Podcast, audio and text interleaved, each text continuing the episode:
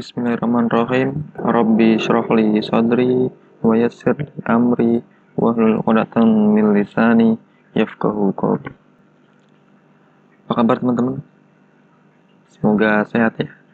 Semoga hari ini kalian nggak lagi tergoncang hatinya atau hatinya dalam keadaan nggak nyaman gitu. Oke, di episode kali ini uh, aku mau ngebahas suatu topik yang kayaknya asik gitu loh dibahas. Makna sendiri atau kesendirian. Ada apa sih dengan sendiri itu? Pasti sering yang ngerasain kayak kesendi sendiri gitu. Nggak punya temen, nggak punya orang buat curhat gitu. Mungkin dari kalian yang dengerin podcast ini tuh ada yang emang lagi sendiri gitu. Dalam artian ya sendiri nggak punya temen atau nggak ada orang yang bisa diajak curhat gitu. Nggak ada temen yang bisa dengerin keluh kesah kalian curhatan kalian. Jadi hati kalian tuh rasanya benar-benar kesepian gitu. Kalian tuh mau ngelakuin apa-apa juga nggak tahu bingung. Mau curhat sama siapa nggak tahu. Nggak tahu mana teman mana mana musuh gitu. Pokoknya dalam hati kalian tuh rasanya tuh semua orang tuh salah gitu. Semua orang tuh nggak peduli sama kalian. Semua orang tuh nggak mau tahu tentang kalian. Kalian marah banget gitu. Tapi sabar dulu. Mungkin semua yang kalian pikirin itu cuma perasaan kalian doang. Cuma perspektif kalian doang. Cuma efek dari ketidakmampuan kalian dalam mengelola perasaan gitu. Aku tahu kalian ngerasa kayak gitu tuh pasti jiwa kalian kosong hati kalian tuh sakit banget kecewa sama semua orang karena nggak ada yang mau dengerin kalian nggak ada yang mau ngertiin kalian. Sakit sih. Emang berat sih sendiri tuh. Apalagi buat kalian yang emang udah terbiasa berada di lingkungan yang dari awal tuh emang peduli sama kalian. Yang dari awal tuh emang kalian nyaman banget di situ. Banyak teman kalian banyak orang yang peduli sama kalian terus kalian tiba-tiba sendiri itu cukup nguras tenaga banget sih. Karena emang sendiri itu berat banget. Sendiri itu nggak nyaman. Di sini tuh aku nggak ngebahas sendiri yang nggak ada pasangan ya. Kalau kalau itu emang emang kebanyakan orang emang nggak nyaman. Tapi yang aku bahas di sini tuh yang emang benar-benar sendiri yang emang emang uh, bener-bener bukan karena pasangan gitu karena masalah hidup kalian.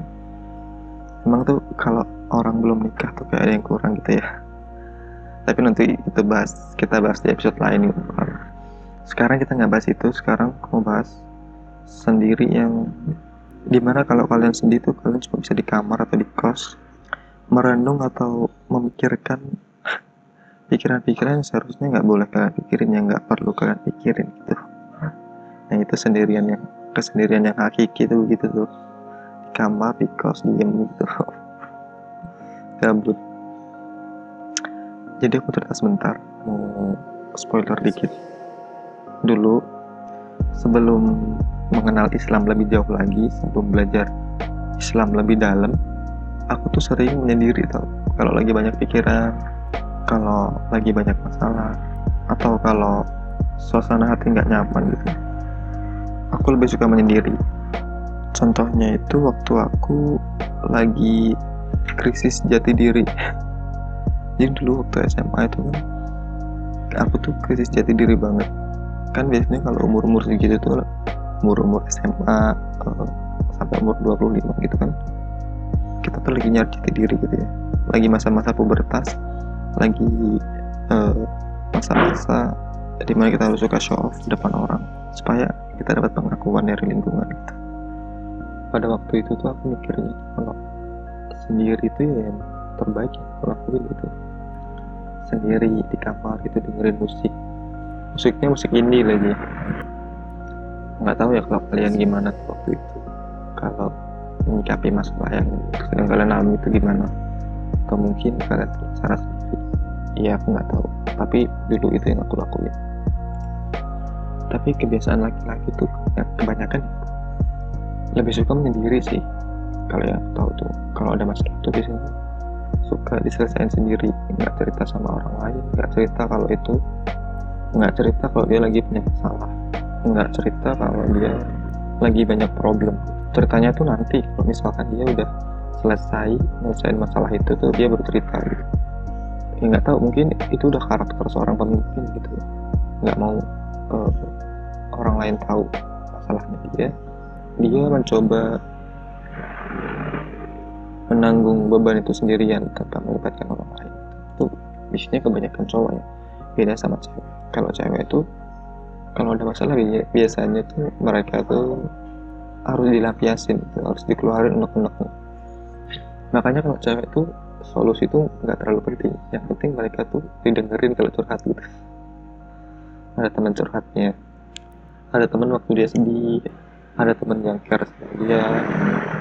Ada teman yang yang ngertiin dia. Itu tuh lebih dari cukup. Walaupun masalahnya nggak harus kelar ya tapi itu lebih baik daripada mereka nggak punya itu semua. Karena cewek itu makhluk empati bukan makhluk teori. Beda sama cowok yang pakai logika.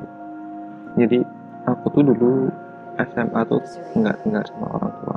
Aku tinggal sama Pak Diku Pak D Pak D itu kayak om paman gitu. Di situ tuh aku tuh bener-bener dituntut buat menghadapi suatu masalah itu sendiri gitu. Nyelesain suatu problem sendiri semuanya itu serba sendiri. Yang awalnya SMP itu manja banget kekanak-kanakan banget terus SMA jadi harus serba sendiri gitu. Dan waktu SMA tuh semua berubah banget gitu. Jadi kalau aku lagi ada masalah tuh ya paling diam di kamar gitu. Dulu tuh kayaknya sendiri tuh paling ngebuat aku bisa tenang gitu. Walaupun masih banyak masalah tapi kalau kalau sendiri tuh rasanya tuh kayak agak lebih tenang gitu. Ngebuat agak lebih relax lah setidaknya.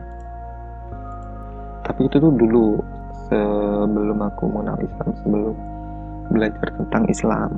Tapi sekarang tuh setelah belajar Islam setelah mempelajari Islam lebih dalam sedikit-sedikit udah nggak kayak gitu. Lah ya walaupun masih ada kebiasaan kebiasaan-kebiasaan yang suka sendiri tuh masih ada tapi kalau ada masalah tuh seringnya curhat gitu. Aku punya sandaran punya sandaran yang nggak bakal mati yang nggak bakal ninggalin aku gitu. Sandarannya tuh Allah. Jadi kalau ada apa-apa kalau lagi ada masalah ataupun pikiran gitu atau waktu aku lagi sakit hati curhatnya sama Allah. Yang pertama tuh sama Allah habis itu curhat ke orang lain. Karena aku mau cari sudut pandang lain cari perspektif perspektif lain buat menyelesaikan masalah gitu. Tapi yang pertama tuh curhat sama Allah dulu habis itu orang lain.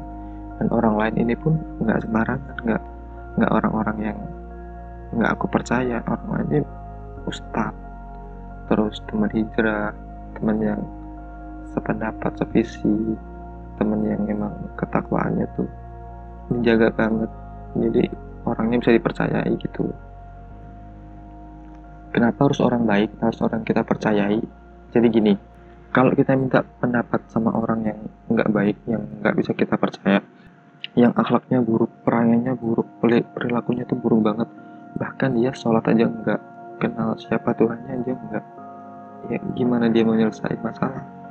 Gimana dia mau ngasih pendapat yang terbaik kalau dia ngurus diri sendiri aja nggak bisa gitu. Kenal Tuhannya aja juga enggak. Ya walaupun kalau ditanya siapa Tuhannya Allah dia pasti jawab gitu ya. Cuman kalau ditanya lagi siapa itu Allah dia nggak bisa nggak bisa jelasin itu nggak bisa jabarin apa yang dia imani gitu nah kalau kita minta pendapat sama orang yang nggak baik yang nggak bisa dipercaya itu fatal banget. Serius itu fatal banget. Itu bisa bahaya buat kita bisa bahaya buat orang lain juga. Karena orang kayak gini tuh nggak punya tujuan hidup nggak punya purpose dalam hidup. Dan apa yang kalau misalkan kalian minta pendapat sama mereka tuh pasti solusinya kebanyakan nggak baik nggak baik buat kalian. Ya walaupun ada orang yang emang kayak gitu tapi ngasih solusi baik ngasih solusi tepat gitu. Maksudnya nggak nggak yang macam-macam tapi presentasinya kecil banget gitu. Nggak nggak sebesar kalau kita percayain sama orang-orang yang benar-benar beriman yang benar-benar paham akan kehidupan benar-benar tahu tujuan hidupnya gitu. Dan sebenarnya tuh kita juga lebih nyaman kalau punya teman yang sevisi se seiman yang soleh. Karena kalau kita punya teman-teman yang sejalan sama visi hidup kita itu tuh ngebantu banget buat kita nyelesain masalah gitu. Terus berguna banget kalau misalkan kita tuh mau berbuat maksiat teman-teman ini tuh yang bakalan bakalan nasihatin kita bakalan kalau kita lagi ada masalah mereka tuh yang bakalan support kita yang bakalan ada ngebantu buat kita.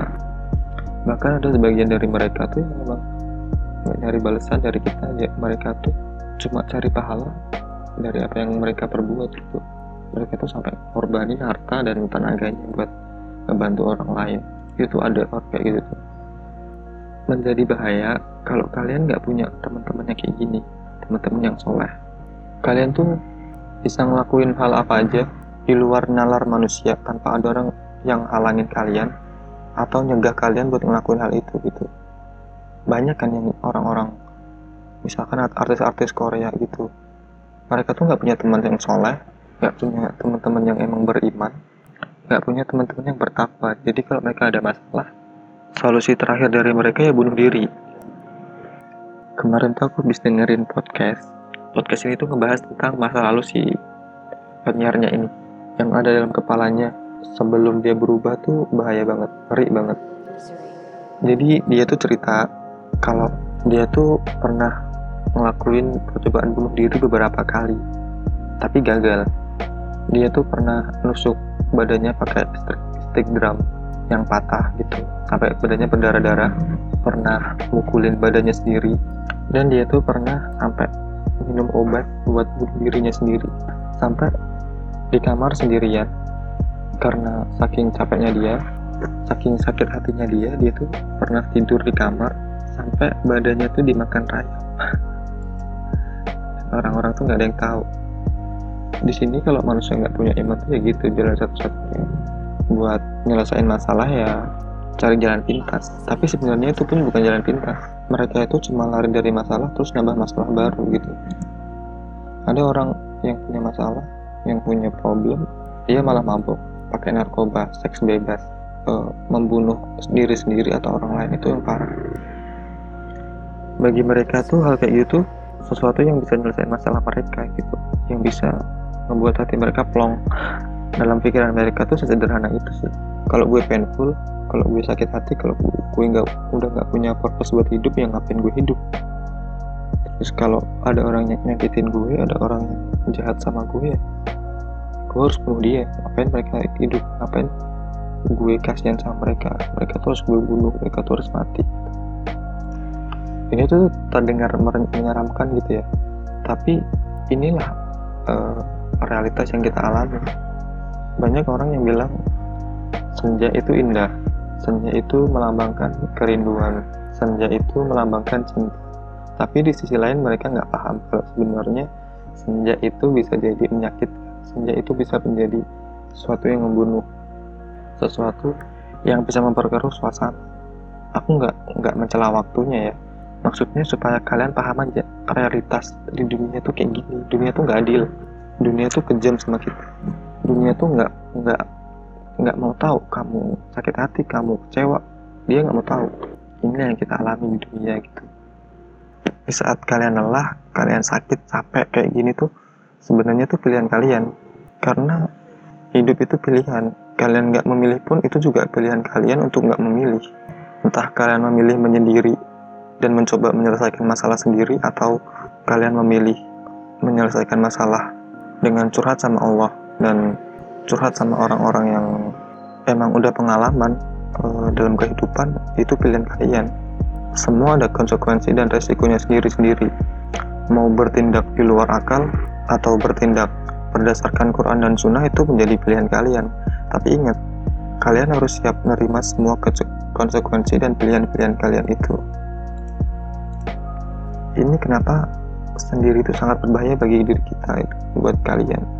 Terlebih lagi kalau kita nggak punya pegangan hidup, nggak punya sandaran yang kuat dalam hidup, ini bisa bahaya banget. Bahkan tindakan kita tuh bisa menyerupai hewan ternak, balhum adol, bahkan lebih hina. kesimpulan dari semua ini tuh kalian jangan suka nyelesain masalah sendiri cari sudut pandang lain minimal kalau emang kalian emang bener-bener pengen sendiri kalian bisa minta petunjuk sama Allah. Minta diberi kemudahan minta diberi jalan keluar tapi dengan syarat akidah kalian harus bener bener-bener matang bener-bener buat menghadapi semua itu. Karena nggak lucu aja kalau akidah kalian nggak kuat kalian minta petunjuk sama Allah. Tapi minta petunjuknya hal-hal yang dibenci sama Allah. Berdoa keburukan buat diri kalian sendiri itu nggak baik itu Allah benci banget kayak gitu tuh kalau saranku kalian temuin teman-teman yang udah paham agama yang seiman yang sefrekuensi sama pandangan hidup kalian sama pandangan hidup Islam. Kalian deket sama tukang parfum kalian bakal kebagian wanginya. Di sini tuh aku nggak melarang kalian berteman sama siapa pun. Cuman kalian tuh harus punya prioritas harus bisa bedain mana yang teman yang baik mana yang buruk. Itu kalian yang tahu sendiri. Jadi kalian harus pintar-pintar uh, membedakan tetap semangat menjalani hidup terus positif pikiran positif. Jangan mikirin hal-hal yang nggak perlu dipikirin yang kalau dipikirin tuh buat Allah marah sama kalian. Jangan ngelakuin hal-hal yang buat Allah bisa murka sama kalian karena Allah itu maha pedih siksanya. Tapi buat kalian yang udah terlanjur dan mau kembali, mau balik lagi sama Allah, jangan putus asa sama rahmat Allah. Karena rahmat Allah, kasih sayang Allah itu, cintanya Allah itu mendahului murkanya. Allah itu maha rahman, maha rahim. Jadi terus terus bertobat, terus belajar, stay positif and keep moving. Udah sampai sini aja mungkin episode kali ini teman-teman kalau ada salah kata atau hal-hal yang nggak pas mohon dimaafkan mohon dikoreksi semua kesalahan dan khilafan itu semua berasal dari aku. Kalau ada benarnya itu berasal dari Allah dan Rasulnya. Sekian teman-teman. Semoga kita diberi keberkahan sama Allah dilindungi, dilindungi sama Allah dan amal perbuatan kita bisa menjadi ampunan bagi kita. Dan semoga kita dipertemukan di tempat yang lebih baik di tempat yang di mana kita merindukan tempat itu semua. Semoga Allah menyatukan kita dalam surganya. Amin assalamualaikum teman-teman